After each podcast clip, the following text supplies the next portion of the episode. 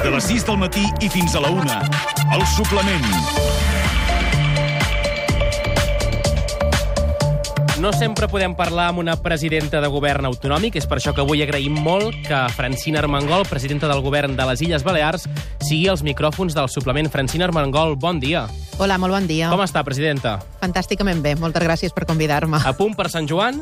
Sí, sí, super a punt. Sí. Com ho celebreu? Perquè aquí coneixem molt les festes de Sant Joan, de Ciutadella, de Menorca, però no sé si a, a Palma i a, i a les altres illes, a Mallorca, a Formentera, eh, teniu festes també de Sant Joan ben participades. Sí, sí, sí, hi ha molta participació, moltíssims de, de municipis i de pobles d'arrel de ses illes, i a Mallorca se, se fa molt també anar a la platja, fer sopar amb amics, fer nedar, fer, fer una copa, fer celebrar, vaja. És un dia en què els països catalans eh, prenen, prenen sentit? Bé, jo crec que és un dia de festa molt nostrada, no? I és un dia també de celebració, molt intenses, a Menorca molt intenses i molt, molt viscudes, i bé, cada un les celebra com pot. No? Se senten part per això a Mallorca i a les Illes Balears dels països catalans? Bé, Mallorca i Illes Balears eh, tenim molt clar que tenim eh, històries comunes, que tenim llengua comuna, que tenim tradicions comunes, eh, interessos econòmics també molt comuns, ara també tenim una realitat molt diferent, no? I que nosaltres eh, ens reivindicam eh, com a poble, com a comunitat autònoma, com a territori, en les seves mancances, en les seves oportunitats i en les seves potencialitats, que són moltíssimes. Ahir va ser a la inauguració dels Jocs del Mediterrani a Tarragona. Uh, finalment el president Quim Torra va decidir assistir. I hagués entès que Quim Torra no hi hagués anat? Jo hagués trobat una mica estrany que no, que no hi anàs. No? Jo crec que és molt bo mantenir bones relacions institucionals. Crec que eh, tots han de pensar que representam, quan, en el meu cas, no, presidenta de les Illes Balears, represento totes les Illes Balears, els que pensen com jo i els que pensen diferent, i que, per tant, s'ha de tenir aquest posat institucional, crec que sempre. Ara bé, Torra ahir va assegurar que ni ell ni cap conseller acudiran a cap acte organitzat per la monarquia i que renunciava al seu càrrec de vicepresident de la Fundació Premis Princesa de Girona. Què li sembla? Evidentment, jo no sóc ningú per, per valorar o per ficar-me en el que fa un altre president d'un altre territori espanyol, no? Uh, crec que, jo repeteix, crec que des del diàleg i des del respecte institucional és quan millor se treballa en benefici de la ciutadania i crec que uh, tant un costat com l'altre així s'hauria de plantejar, no? De fet, vostès tenen bastanta relació, entenc, amb la casa, amb la casa reial perquè tenen el Palau de Marivent allà mateix, a Palma. Sí, nosaltres tenim molta relació històrica en la casa reial, i, de fet, els reis solen venir a estiuetjar una part de les seues vacances i, a més, vàrem arribar en aquesta legislatura un acord molt positiu que és obrir els jardins de Marivent en el públic i des de que nosaltres estem governant a les Illes Balears aquests jardins són públics, la gent les visita i participen activament i he de dir que el rei sempre ha tingut un comportament excepcional amb aquesta possibilitat. No? Són bonics els jardins? Sí, són molt bonics. I a més li vàrem, eh, gràcies a sa família Miró, se varen instaurar tot, 12 escultures de Joan Miró que per tant li donen encara molt més solvència i molt més qualitat en aquells jardins. Què li va semblar el discurs del rei Felip VI el dia 3 d'octubre? Bé, jo en aquell moment eh, me varen demanar declaracions i ja els vaig fer. Jo vaig pensar que um, no, no era el discurs adequat que hauria d'haver fet. Jo vaig pensar això i ho vaig dir. Va renunciar a ser una figura neutral, el rei? Sí, jo crec que sí. I l'actuació policial de l'1 d'octubre, què li va semblar? Va ser un error? Bé, a mi m'apareix eh, que va ser absolutament exagerada i fora de lloc. Vostè apostaria per això, per una república a Espanya en comptes d'una monarquia? Eh, bé, jo sempre he dit que cada temps té el seu moment, no? I, evidentment, quan estem de, debatent o discutint si hem de reformar una Constitució espanyola, que jo sóc de les que pensa fa molt de temps que sí, i que l'hem de reformar en profunditat i que s'ha de parlar de tot. Si me demana a mi Francina Armengol, independentment de president de les Illes Balears, jo sé que ve ser republicano. Abans d'entrar a fons en l'actualitat política balear i espanyola, catalana, deixi'm que li pregunti sobre un tema totalment d'actualitat, que és la posada en llibertat dels membres de la manada. Com ho, com ho veu? Què li sembla? Me sembla una barbaritat i me sembla que és un, un missatge terrible cap a totes les dones i me sembla que la justícia necessita moltíssimes de qüestions a arranjar, no? I alguna d'elles, sens dubte, la formació en temes de gènere i també alguns canvis en el Codi Penal, que crec que avui, avui el govern d'Espanya ja va anunciar, no? La justícia és masclista? La uh, societat és masclista i la justícia està demostrant que també.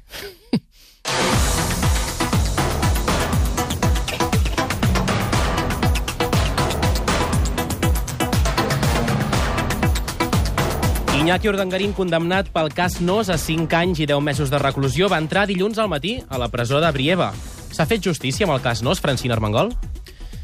Cas Nos és un d'aquests uh, més, uh, un més dels casos de corrupció lligats en el Partit Popular, desgraciadament també a la meva terra, no? I l'expresident Mates ara està a presó, igual que Iñaki Urdangarín i d'altra gent, no? I nosaltres, com a govern de les Illes Balears, seguim reclamant que retornin els dobbers que, que varen malbaratar en els ciutadans de, de la meva comunitat autònoma, no? I és veritat bueno, que un desitjaria més o manco a dins la sentència, però sí que també és veritat que el manco de justícia ha estat per tots, no? i que en el final, bueno, després de molt de temps, eh, veïm aquesta sentència.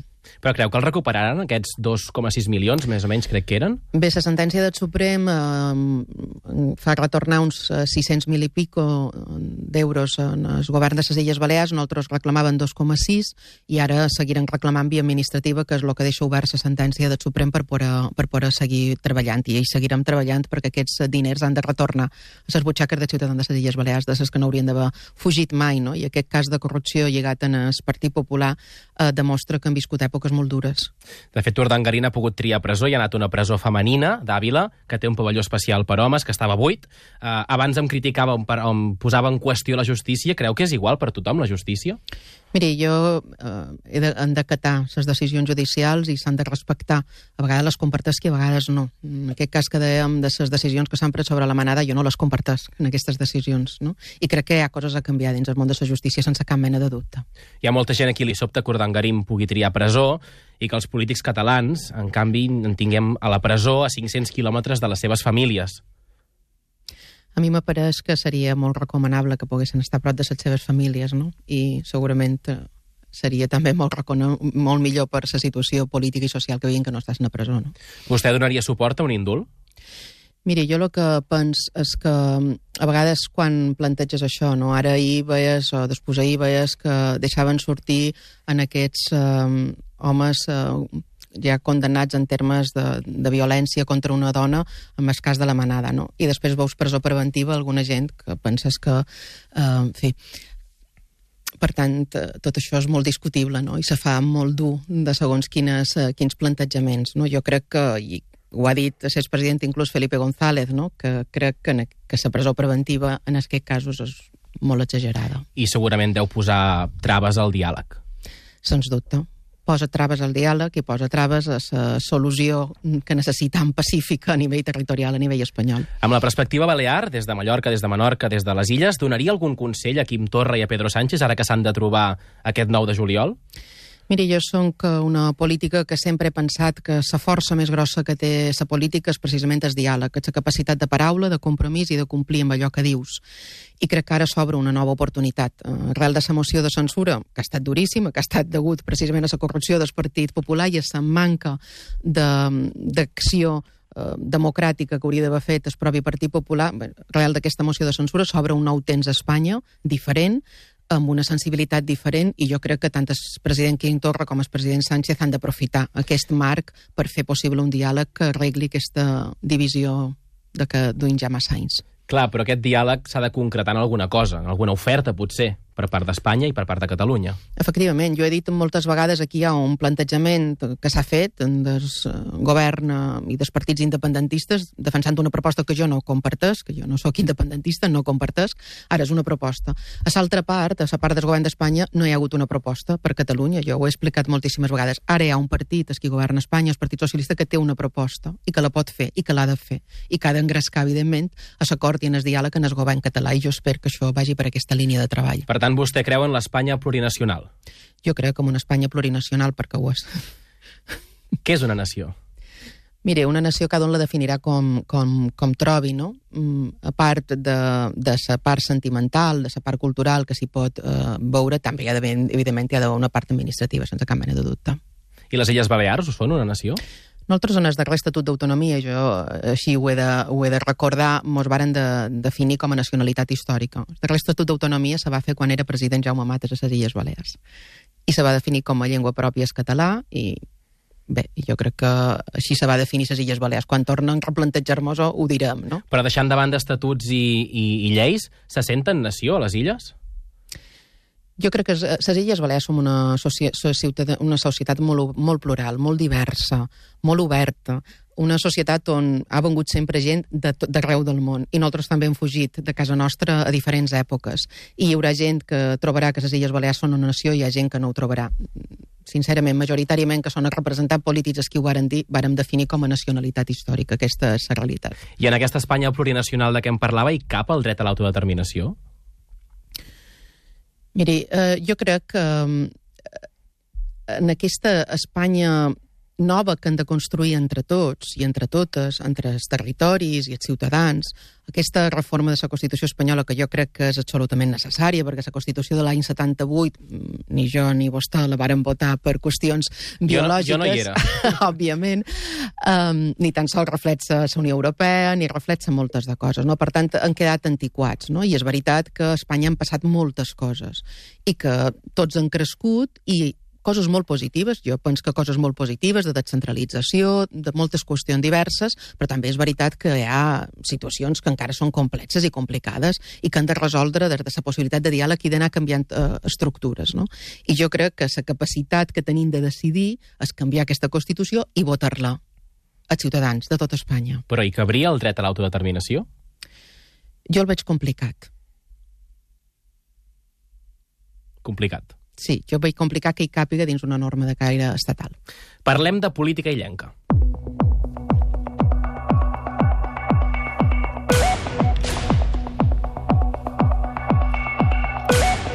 L'any que ve hi ha eleccions a les Illes Balears i vostès poden ser el primer govern socialista que repeteix mandat. Sí, esperen que sí que ho siguem. Com ha anat el pacte de govern? Amb més, amb els nacionalistes d'esquerres i amb el suport extern de Podem? Mira, jo estic molt contenta. Jo crec que ha estat un pacte, és un pacte sòlid, un pacte que té una fulla de ruta molt determinada, molt acordada, molt pública, molt compromesa. Nosaltres rendim comptes habitualment d'allò que feim. A més, han canviat moltes coses Varen començar després d'una legislatura que havia estat molt dura, de molta intensitat, d'un partit popular amb majoria absoluta, que havia estat molt soberbi, que havia fet moltíssim de retalls, que havia creat moltíssima crispació, sobretot dins el món educatiu i en temes lingüístics, i hem eh, fet una legislatura molt intensa de retorn de drets, de diversificació d'economia, de pensar molt en el futur, tenint drets eh, garantits que no tenen altres territoris espanyols, per exemple, la renda social, que qualsevol persona que no tingui com sobreviure a Balears ja tenim una renda social garantitzada, i tantes i tantes altres coses, no? I per tant crec que hem avançat amb una línia de treball molt positiva d'una comunitat que se sent més forta, que tingui més llibertat, més capacitat de democràcia i també molt més drets eh, pels seus ciutadans i ciutadanes, amb un moviment, amb un moment, a més, que econòmicament estem creixent a bon ritme i que estem repartint millor la riquesa que se crea i, a més, en lleis innovadores, com ara aquest eh, divendres hem aprovat la llei de residus, estem amb una llei de canvi climàtic, estem a l'avantguarda europea en termes de normativa ambiental ambiental i urbanística i, per tant, jo crec que és un govern que ha complit amb allò que havia dit en els ciutadans i que, evidentment, et demanarem el suport per poder continuar, però això ho definirà la gent en les urnes. Clar. I els, els fa por que el turisme aixafi una mica el que seria els ciutadans, els, els mallorquins, els balears? No, mire, nosaltres som una, un territori que tenim un creixement, hem tancat l'any passat amb un creixement d'un 3,5%, ara estem creixent un 3,1% el primer trimestre, amb, una, amb, uns, amb unes xifres d'ocupació molt altes, amb una possibilitat de, també de crear molta riquesa i de repartir-la millor molt més altes que altres territoris espanyols. Aquesta és la realitat, i això també és gràcies en el motor de la nostra economia, que és el turisme. No?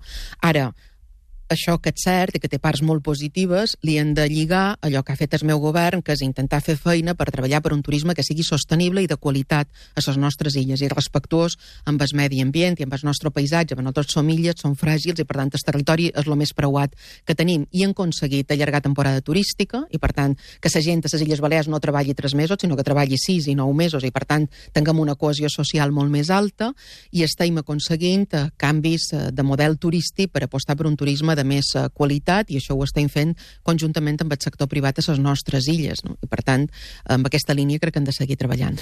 Com a presidenta d'un govern d'esquerres, què li sembla l'aliança entre el PSC i el PP a Badalona, ara fa pocs dies, per accedir a l'alcaldia? Miri, cada territori, cada municipi, cada lloc, eh, evidentment, tenen les seues singularitats i saben de les seues històries polítiques. Jo li puc dir el que faig jo, jo governo en l'esquerra, jo amb el Partit Popular a les Illes Balears no hi governaria mai.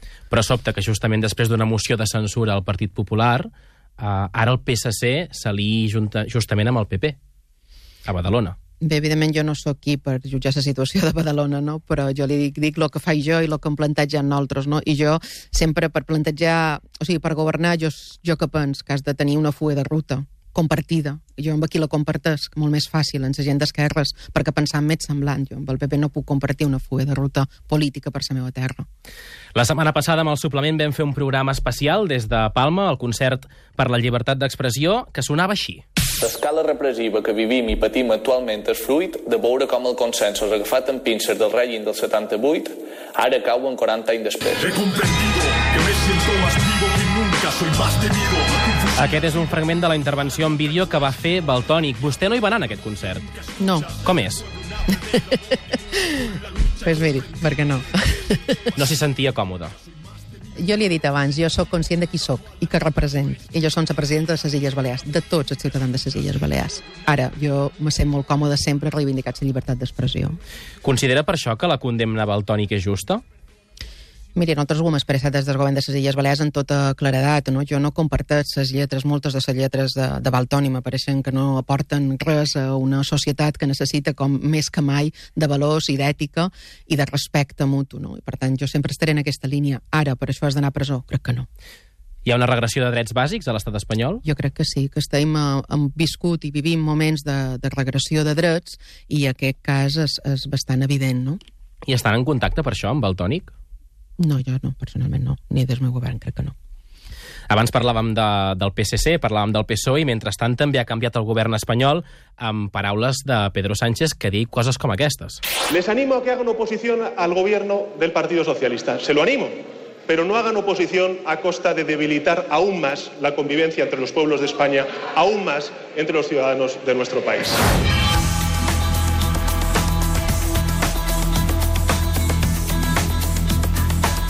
Què n'esperen com a president del govern de les Illes Balears de Pedro Sánchez?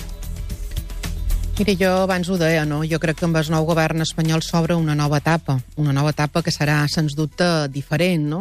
I nosaltres, com a, com a, com a Illes Balears i amb duim aquests tres anys de legislatura, eh, jo he intentat eh, arreglar molts temes que teníem pendents de fa, de fa, de fa temps, no? I ha estat molt difícil en moltes qüestions. És veritat que hi ha hagut dues eleccions espanyoles, és veritat tot el que ha succeït, no? Ara, eh, miri, jo ho repetiré una vegada més, jo sóc presidenta de les Illes Balears i jo reivindicaré amb força els interessos dels ciutadans de les Illes Balears i sempre he dit, governi qui governi a Espanya eh, i per tant aquesta serà la meva actitud, exactament la mateixa que han tingut amb el president Rajoy. Ara, és veritat que les primeres passes que ha donat el nou govern espanyol, tant en el tema dels aquarius i per aquarius i per tant amb el suport a les persones refugiades, coses que nosaltres des de Balears vàrem demanar des del minut 1 d'aquesta legislatura, amb el plantejament de dir hem d'intentar fer una economia molt més social i repartir molt millor la riquesa que se crea, de la lluita per un treball d'ocupació, de respecte en els territoris que conformen Espanya i per tant de um, amb els diferents presidents autonòmics i de començar aquesta tasca de diàleg tan necessària, tot això té molt millor pinta de lo que passava abans, no? I per tant, jo crec que en aquest sentit col·laborarem millor i podran trobar les millors solucions per a la ciutadania. Ara em parlava d'economia, però d'entrada Pedro Sánchez sembla que té la voluntat de mantenir el pressupost pactat entre el PP, Ciutadans i el PNB. Són bons per les Illes Balears, aquests pressupostos? No, no són un bon pressupostos. és evident, no? Um, uh, aquests pressupostos a les Illes Balears mos deixen els darrers amb inversió per càpita, no? I, entre d'altres coses, són pressupostos molt poc socials. Tot el que s'inverteix en educació, en sanitat i serveis socials, des del nostre punt de vista, és uh, absolutament insuficient, no?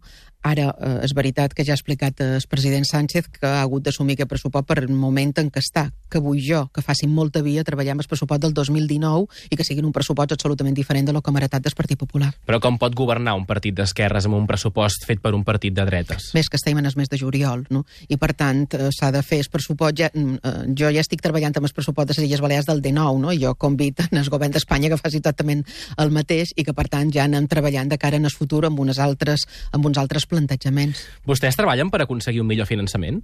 Sí, tant. I treballem intensament i és eh, necessari canviar el sistema de finançament autonòmic. En altres són de les comunitats autònomes infrafinançades, per cert, més que Catalunya, i que tenim pitjors ràtios de finançament, i amb aquesta línia seguirem lluitant i treballant. I jo també he de dir que hem treballat eh, durant tota aquesta legislatura amb el govern català en moltes qüestions, perquè mm, Catalunya i Balears, amb algunes qüestions de caràcter de model econòmic, eh, tenim semblances i tenim els mateixos perjudicis del sistema de finançament autonòmic. Per tant, nosaltres ja hem traslladat en el govern d'Espanya la necessitat d'avançar en aquesta línia. De fet, segurament fer un front comú entre el País Valencià, Catalunya i les Illes Balears seria una bona manera d'aconseguir un millor finançament. Bé, jo crec que nosaltres sempre hem treballat amb aquesta línia de, de tant hem parlat eh, en el seu moment eh, quan hi havia el president Puigdemont, en vàrem parlar amb temes de finançament autonòmic com amb el president eh, Ximo Puig, en que treballam contínuament en les millores del sistema de finançament autonòmic, com també hem parlat amb Múrcia i hem parlat amb altres eh, territoris espanyols, també en Canàries, per el fet de ser illes i que tenim similituds, i és el moment de canviar aquest sistema de finançament autonòmic, de fer-ne un de nou que rompi status quo i que, per tant, plantegi les coses d'una altra manera. Però vostès no se senten eh, part de l'Espanya ens roba, per exemple. És que jo no crec que... No, no, jo, jo no sóc eh, tant de frases co, eh, ni d'eslògans que no m'apareix. És un eslògan sinó... que hem sentit a vegades sí, a Catalunya. Em deia que sí. les Illes Balears són, estan més infrafinançades que, es, que Catalunya, però no se senten part d'Espanya ens roba. No, eh, eh nosaltres ens sentim part d'una realitat que, miri, nosaltres som unes illes que econòmicament tenim una gran activitat, però que després som set segones en aportant el sistema de finançament autonòmic i ses novenes quan se reparteix. Per tant, efectivament, som infrafinançades eh, som unes illes que, a més, som illes. I això significa que eh, per moure't i per importar i exportar mercaderia és molt més car que qualsevol altre territori espanyol. I si tots som espanyols que ho som, és injust que els ciutadans de la meva comunitat autònoma tinguin un greuges que no paga el govern de l'Estat com si paguen el territori peninsular. Nosaltres no tenim aves. No podem no podem traginar les mercaderies en AVE ni en tren. I això té una gran subvenció estatal, que jo m'apareix molt bé, però necessitant que també la tingui les Illes Balears. El futur de Francina Armengol és a les Illes Balears o la podem arribar a veure a Madrid? No, a mi m'encanta estar de presidenta a les Illes Balears, és la meva passió, la meva terra, les eh, illes de Mallorca, Menorca, Eivissa i Formentera eh, són la meva passió. I estic eh, molt satisfeta des de la presidència de les Illes Balears canviar aquella societat en la que crec, millorar-la i seguir treballant, perquè encara hi ha moltíssimes coses a treballar i moltíssimes coses a fer i moltíssimes coses a canviar. Però falten més balears, més persones de les illes en aquest govern de Pedro Sánchez? Ah, no, nosaltres estem contents amb, amb les persones que s'han incorporat ja en el, en el govern de Pedro Sánchez, no? Potser hauria sigut un moment d'aprofitar-ho després de la dimissió de, de Màxim Huerta. Bé, nosaltres tenim la secretària d'Estat de Turisme, que és Nabel Oliver, i que per nosaltres turisme és fonamental, com li deia abans, és el motor de la nostra economia i que estem eh, molt orgullosos de que hi sigui, igual que hi és que Carme Orte, que du l'Imserso, i per tant, bé, eh, mire, jo el que m'interessa és que les polítiques que faci el govern d'Espanya siguin beneficioses per ciutadans de les Illes Balears. I amb això és en el que treballarem intensament tots els membres del meu govern. Va ser una bona decisió, per això, fer-lo dimitir a Màxim Huerta? Bé, jo crec que va prendre la decisió correcta el president Sánchez, sí. Francina Armengol, presidenta del govern de les Illes Balears, moltes gràcies per atendre'ns. I, I bona rebella. Moltíssimes gràcies. Com la celebrarà? Jo la celebraré a casa, faig una festa a casa. Festa privada? Sí.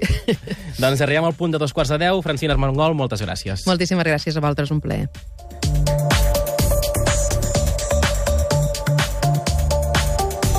De 6 a 1, el suplement.